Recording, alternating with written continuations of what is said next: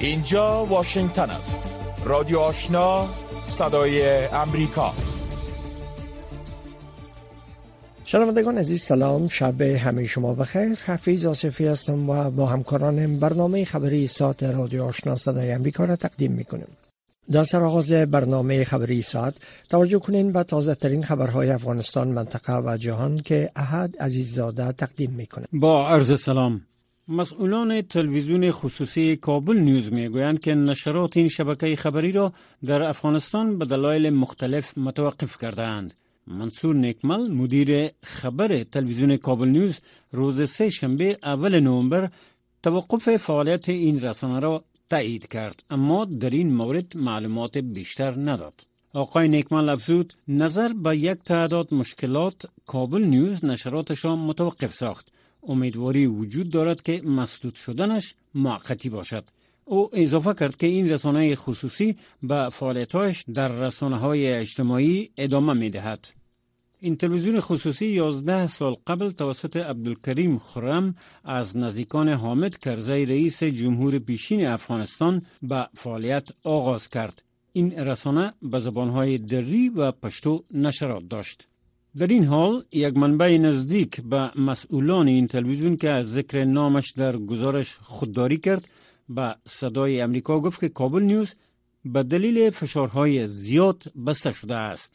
این منبع از ارائه معلومات بیشتر در این مورد نیز خودداری کرد. اخیرا سازمان گزارشگران بدون مرز گفت که یافته های آنان نشان می دهد که در حدود یک سال گذشته 219 رسانه چاپی صوتی و تصویری در این کشور از فعالیت باز مانده اند. با گفته این سازمان پیش از مسلط شدن طالبان بر افغانستان 547 رسانه وجود داشت که در حال حاضر تنها 328 رسانه در این کشور فعال است.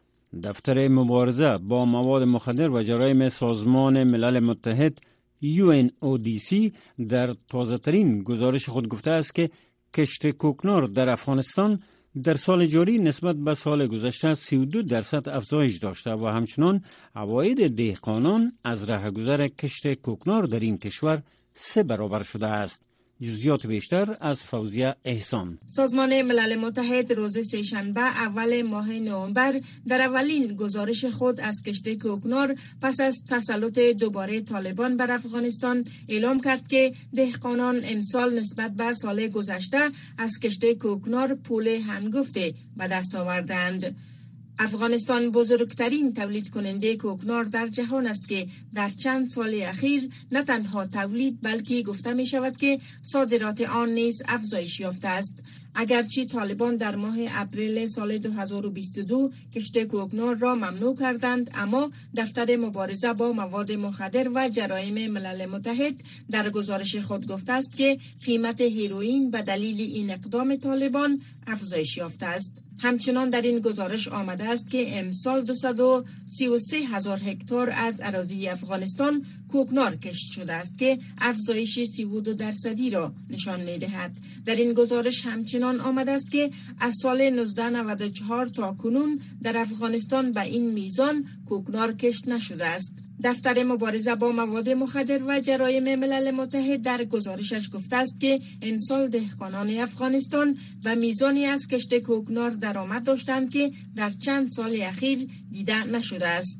در این گزارش آمده است که دهقانان در سال گذشته 425 میلیون دلار از کشت کوکنار دریافت کردند. در حالی که در سال 2022 این رقم به یک اشاریه چهار میلیارد دلار افزایش یافت. دهقانان افغان در ماه نوامبر تصمیم می‌گیرند که برای سال آینده کوکنار بکارند یا خیر. سازمان حفاظت از کودکان یا سیو د چلدرن می‌گوید که همزمان با افزایش فقر و گرسنگی در افغانستان شمار کودکان مبتلا به سوی تغذیه در این کشور نزدیک به 50 درصد افزایش یافته است. این سازمان ناوقت روز دوشنبه 31 اکتبر با نشر گزارش گفت که یافته های آنان نشان می دهد که از جنوری امسال بدین سو شمار مبتلایان بیماری سوی تغذیه که به کلینیک های این سازمان مراجعه کردن 47 درصد افزایش یافته است. با گفته این سازمان برخی از نوزادان قبل از هر گونه درمان در بخشای این کشور جان خود را از دست می دهند. در این گزارش آمده است تقاضا برای ارائه خدمات درمان سوی تغذیه در ماهای اخیر افزایش یافته است زیرا خانواده ها برای مقابله با بدترین بحران گرسنگی در افغانستان تلاش می کنند. در گزارش آمده است که در ماه جنوری سال 2022 میلادی 57 تیم صحی سیار این سازمان حدود 2500 کودک مبتلا به سوی تغذیه را بستری و درمان کردند. در حالی که در ماه سپتامبر امسال شمار مبتلایان این بیماری به 4270 نفر افزایش یافته است. سازمان حفاظت از کودکان همچنان افزوده که خشکسالی و فروپاشی اقتصاد افغانستان سبب افزایش بحران بشری در این کشور شده و بسیاری از خانواده ها در مناطق دوردست مجبور شدند تا زمین و مواشیشان را برای تهیه غذا به فرزندانشان بفروشند. وزارت خارجه ایالات متحده می گوید که نمی تواند گزارش ها مبنی بر جنگیدن نیروهای ویژه افغان در جنگ اوکراین را تایید کند. نت پرایس سخنگوی این وزارت روز دوشنبه در صحبت با خبرنگاران گفت که او گزارش های رسانه ها مبنی بر دعوت روسیه از کمانده های افغان را برای جنگیدن در جنگ اوکراین دریافت کرده اما او اکنون در موقف نیست که این گزارش ها را تایید کند حیبت الله علیزی آخرین لویدرستیز اردوی سابق افغانستان در صحبت با صدای امریکا گفت که در کنار روسیه ایران نیز نظامیان سابق افغان را که اکنون با آن کشور پناه بردهاند مجبور بر رفتن به جنگ یمن و تقویت صفوف شورشیان حوثی می کند. مسکو و تهران تا کنون در مورد این گزارش ها واکنش نشان ندادند. خبرهای منطقه و جهان را از رادیو آشنا صدای امریکا مشنوید. با ادامه اعتراضهای ضد حکومتی در ایران زندگی مهاجران افغان در شهرهای مختلف آن کشور دشوار شده است. برخی از مهاجران افغان اخراج شده از ایران مدعیند که حکومت ایران ها مهاجر افغان را به اتهام اشتراک در اعتراضهای ضد حکومتی بازداشت کردهاند. مقام های محلی طالبان در هرات هم می‌گویند که در جریان این اعتراض ها ایران روند اخراج پناهجویان افغان را افزایش داده و به گفته مقامات محلی طالبان در هرات روزانه صدها تن به کشور بازگردانده می شوند. اعتراض های سراسری ضد حکومتی در ایران به دنبال کشته شدن محسا امینی دختر 22 ساله ایرانی در حبس نیروهای گشت ارشاد ایران حدود 45 روز پیش آغاز شده است.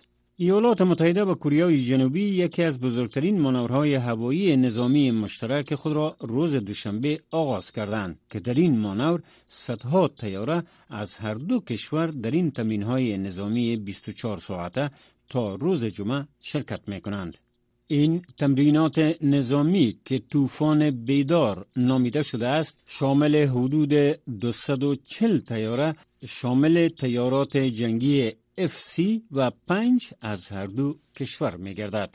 این تمرینات نظامی در حال اجریان دارد که واشنگتن و سیول بر این نظرند که پیونگیانگ ممکن برای اولین بار از سال 2017 بدین سو در حال آغاز آزمایش مجدد بمهای هسته‌ای باشد و این دو کشور در برابر آن استراتژی بازدارنده ای را از طریق این مانورهای نظامی اتخاذ کردند ولی برخی از مقامات برحال و سابق بر این نظرند که این مانورها می تواند تشنج را تشدید دهد سانا مارین صدر اعظم فنلند امروز سه شنبه از هنگری و ترکیه خواهان تایید سریع تقاضای عضویت سویدن و فنلند و پیمان ناتو شد. هنگری و ترکیه تنها دو کشور عضو ناتو هستند که تقاضانامه های این دو کشور را تاکنون تصویب نکردند.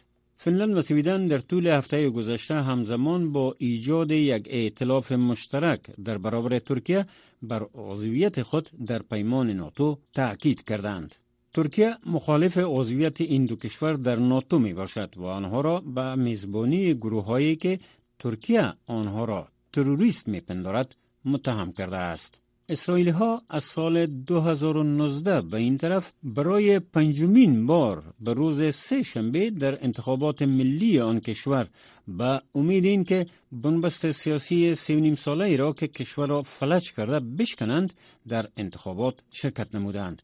با وجود اینکه قیمت های در حال افزایش تنش بین فلسطینی ها و اسرائیل و همچنان موضوع موجودیت تهدیدات از سوی ایران با عنوان مسائل تعیین کننده سرنوشت این انتخابات خوانده شده اما مهمترین مسئله یک بار دیگر سؤال شایستگی بنیامین نیتنیاهو رهبر قبلی برای کرسی صدر در این کشور در میان موج از اتهامات فساد بر او در این انتخابات است. رقیب اصلی نیتنیاهو پیر لاپید صدر میان عرب است که سال گذشته در برکناری او از قدرت کمک کرد. لاپید پس از رای دادن در تلبیب گفت انتخابات ها یک انتخاب بین گذشته و آینده است. بنابراین امروز بروید و برای آینده اطفال و برای آینده کشور ما رای بدهید. اما اتمار بنگویر سیاستمدار راست افراطی بازیگر قدرتمند جدید تهدید کرده است که وضعیت را دگرگون می کند و که در نظرسنجی های تازه برجسته به نظر می رسد در صورتی که در پیروزی نیتنیاهو کمک کرده بتواند در جستجوی موقف سختگیرانه تر علیه فلسطینی ها خواهد بود. او پس از رای دادن در منطقه کرانه غربی گفت رای به حزب وی به معنی به قدرت رسیدن حکومت کامل راستگراست که نیتنیاهو صدر آن خواهد بود. پایان اخبار افغانستان منطقه و جهان تا این ساعت از رادیو آشنا صدای امریکا شنوندگان گرامی رادیو آشنا صدای امریکا نشرات رادیو آشنا را در موج متوسط 1296 موج کوتاه 11575 اعشاری صفر و در موج 972 کیلوهرتز شنیده می توانید. خبرهای افغانستان منطقه و جهان از رادیو آشنا صدای امریکا شنیدین. حال هم گزارش های ای برنامه کارشناس های امور میگن که در صورت عملی شدن تحقیقات محکمه بین المللی جرایم در مورد جرایم جنگی در افغانستان عدالت تامین خواهد شد و عرصه برای مرتکبین این گونه جنایات تنگ خواهد شد. این در حال است که قضات محکمه بین المللی جرایم بر اساس تقاضای سارنوال محکمه تحقیقات در مورد ادعاهای مبنی بر ارتکاب جرایم جنگی و جرایم علیه بشریت در افغانستان منظور کردند جزیات بیشتر در این گزارش. پس از آنکه قضات محکمه بین‌المللی جرایم بر اساس تقاضای سارانمال این محکمه تحقیقات در مورد ادعاهای مبنی بر ارتکاب جرایم جنگی و جرایم علیه بشریت در افغانستان را منظور کرد کارشناسان امور از چنین فیصله این محکمه استقبال می کنند عبدالحد فرزان معین وزارت دولت در امور حقوق بشر در دوران جمهوریت اشرف غنی به صدای آمریکا گفت در شرایطی که وضعیت وخیم شده و جرایم و جنایت در افغانستان دارد اتفاق میافتد آغاز تحقیقات دوباره این محکمه یک اقدام نیک به موقع و امیدوار کننده است و همه منتظر چنین اقدام بودند.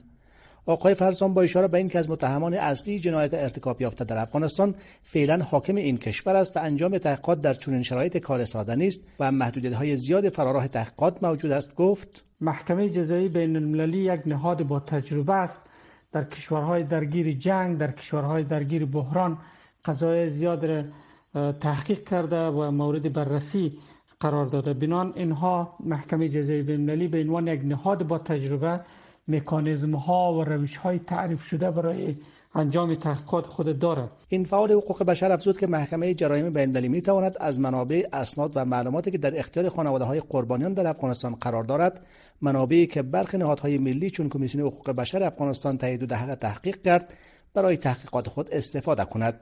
ها و گزارش های نهادهای بین‌المللی حقوق بشر در مورد واقعات در افغانستان به گفته آقای فرزام نیز از منابع مهم برای انجام تحقیقات محکمه جرایم بین‌المللی خواهد بود. تامین عدالت شناسایی مرتکبان جنایت و آن به درد آلامی را که قربانیان جنایت متحمل شدند به عقیده آقای فرزان پیامدهای تحقیقات این محکمه بین‌المللی خواهد بود.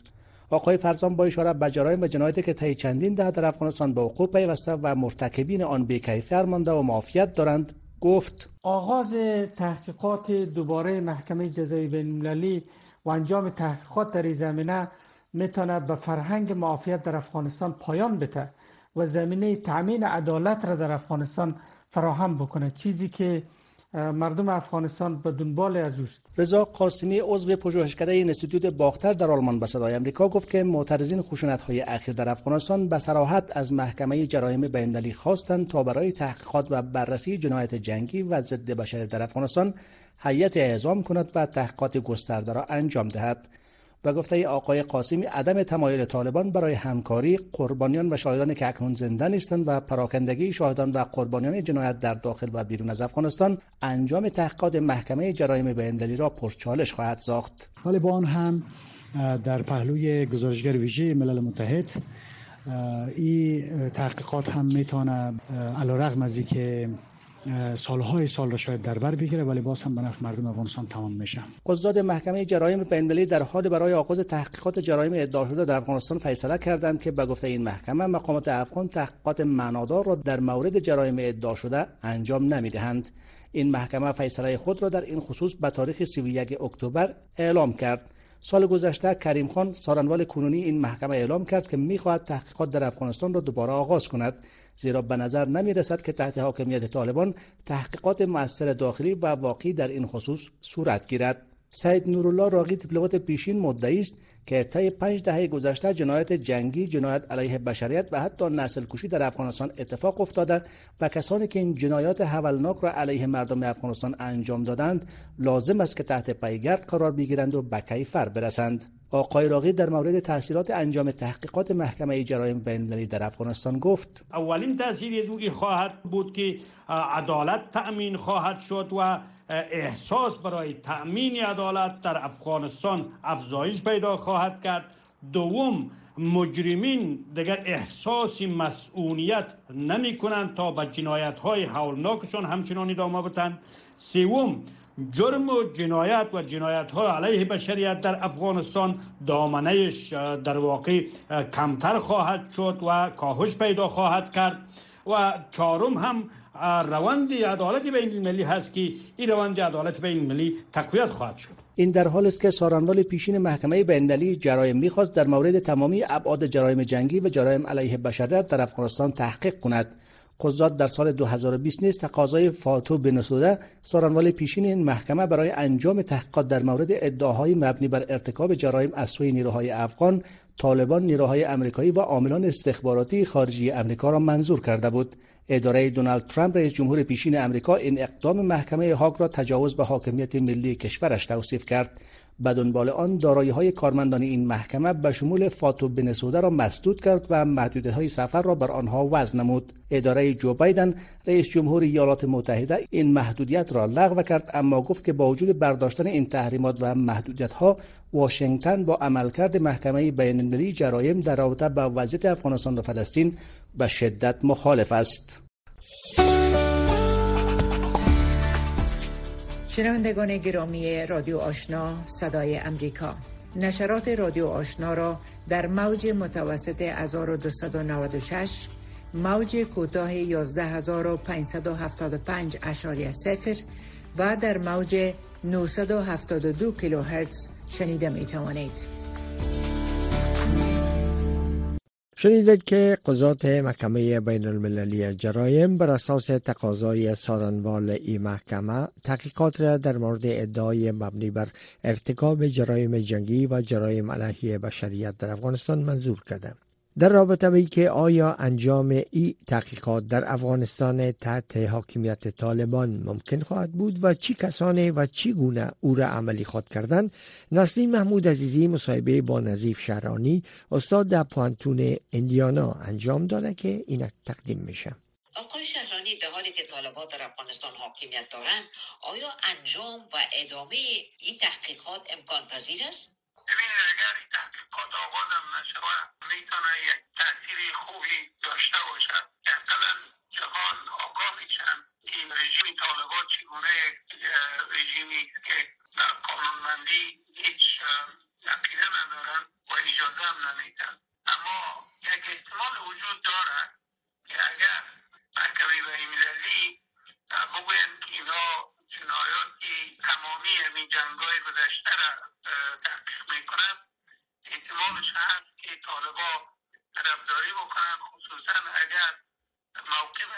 میسر شود که اما جنایات امریکایی ها را در برابر خودشان اما نه جنایات خودشان را در برابر ملت افغانستان اجازه بتن تحقیق شود احتمالش وجود دارد سال گذشته با معذرت جناب پروفسور استدلال شما از نتایج عملی این تحقیقات چی است؟ خب، تحقیقات عملی در صورتی می‌تونه نتیجه بده که دسترسی به معلومات وجود داشته باشد یک قسمتی از معلومات جنایات جنگی قبلی البته در ضد حقوق بشری سازمان حقوق بشری افغانستان بود که حال طالبان او را بسته کردن و نمی‌فهمیم که مثلا اما چیزایی را که دست داشتن با اونا چی معامله شد؟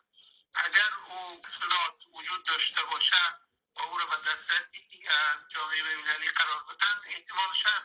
اما به صورت کل من فکر نمی کنم در شرایط فعلی طالبان اجازه بدن یا امکانی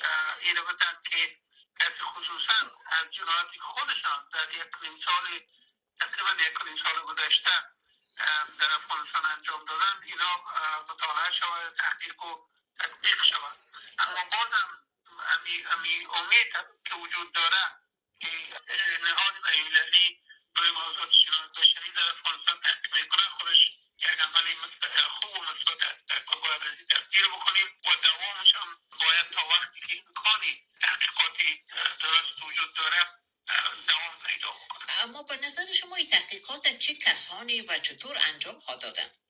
مکانیزم های تحقیقاتی خودی نهاد البته مربوط خودشان است ما زیاد معلومات راجع به او نداریم اما حتما اینا ارگانهایی دارن و افرادی در داخل خواهد فرستادن مثل چود بین ممکن نماینده ها و سارنگولای داشته باشند که اونجا روان شوند تا مطالعه بکنه و مواد تهیه بکنن بدون ارسال افراد در داخل افغانستان برای مطالعه جنایات و سندسازی و سندسازی کاری ممکن نیست نباشه یا نیست شرایط در افغانستان تولید فعلا در تحصیل تسلط طالبان امکانی همچه کار بسیار ممکن کم بوده باشه یا ممکن و یک سوال آخری که در حالی که افغانستان در سال 2003 عضویت این محکمه را حاصل کرد چی شد که قضای افغانستان در این مورد کوتاه آمد؟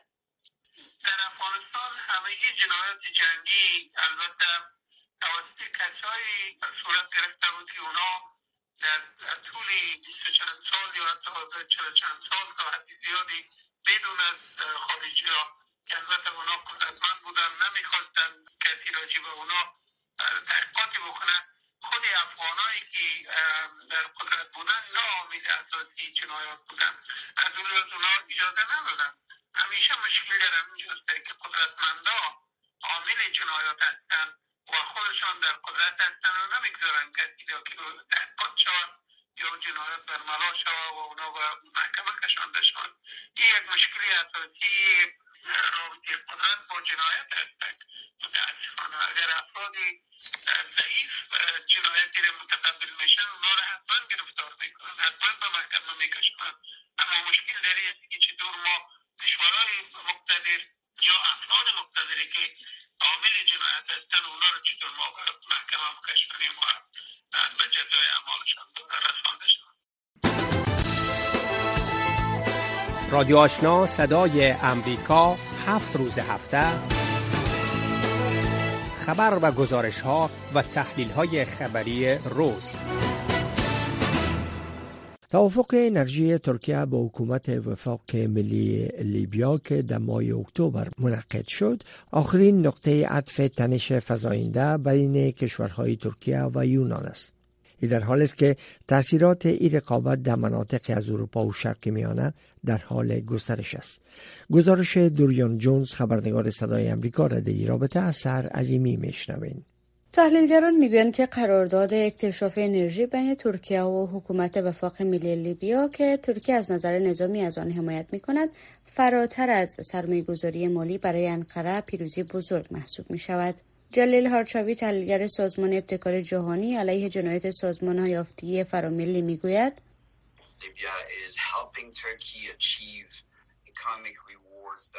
لیبیا به ترکیه کمک می کند تا به پاداش اقتصادی قابل توجه دست یابد و با این توافق یونان تحقیر می شود. این جنبه سیاسی این قضیه است. قرارداد لیبیا اجازه اکتشافات ترکیه در آبهای مدیترانه مورد مناقشه سوی یونان را می دهد. آگاهان امور میگن که نیروهای ترکیه و یونان در حال حاضر به طور منظم در آبهای مورد مناقشه در دریای اشا با هم رویارو می شوند. توافق لیبیا اکنون تهدیدی برای گسترش این رقابت هاست. آیا بورویا تحلیلگر کالج دفاع ملی هلکینگ می‌گوید ما در گذشته می بینیم که در نزدیکی آبهای دریای اژه برخوردهای وجود داشت. ما شاهد اقدامات تحریک آمیز ترکیه در آبهای قبرس بوده ایم. مسئله مهم این است که همان طوری که دیدید حکومت یونان به طرز باور نکردنی از این توافق بین ترکیه و لیبیا عصبانی است. نیکوس دندیاس وزیر امور خارجه یونان اخیرا در قاهره با همتایی مصری خود سامح شکری گفتگو کرد و هر دو کشور قرارداد انرژی لیبیا و ترکیه را محکوم کردند قاهره همچنان اعلام کرد که مذاکرات با انقره را که با هدف بهبود روابط تیره شده بود متوقف می کند. تحلیلگران تصویر درگیری کشورهای منطقه و مناقشه ها را پیش بینی می کنند. جلیل هارچاوی تحلیلگر سازمان ابتکار جهانی علیه جنایت سازمان یافته فراملی اضافه می کند شما این هلال کامل را دارید که از یونان شروع شده تا قبرس و مصر ادامه دارد و من بر جنبه مصری آن در حال حاضر پافشاری می کنم زیرا دیدگاه مصری ها به نیمه شرقی لیبیا بخشی از محدوده قلمرو خودشان است و این توافق را اصلا قابل قبول نمی دانند که ترکیه ممکن از بخش خشکه یا آبهای این منطقه به دنبال بهره برداری اقتصادی باشد. فرانسه متحد قوی یونان و مصر نیز توافق اخیر انرژی ترکیه و لیبیا را به عنوان نقص قوانین بین المللی محکوم کرد. سنم ایدن دوزگت استاد دانشگاه سبانسی می‌گوید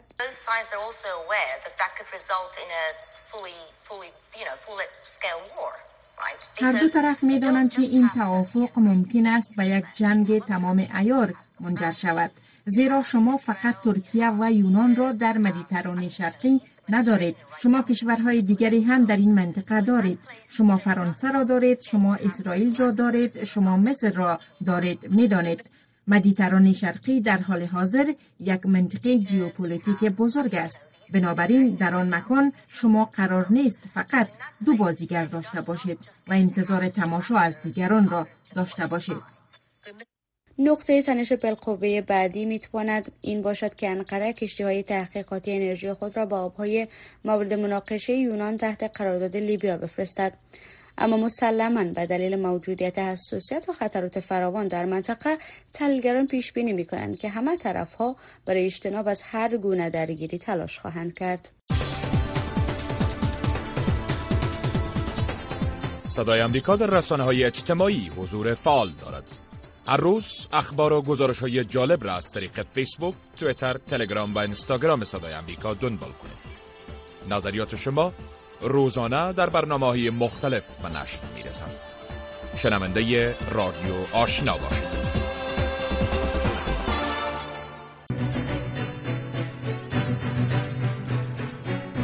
شنوندگان عزیز ای بود داشته های برنامه خبری که در همینجا به پایان رسید اما نشرات پشتو و دری رادیو آشنا صدای امریکا همچنان ادامه داره شنونده رادیو آشنا باشید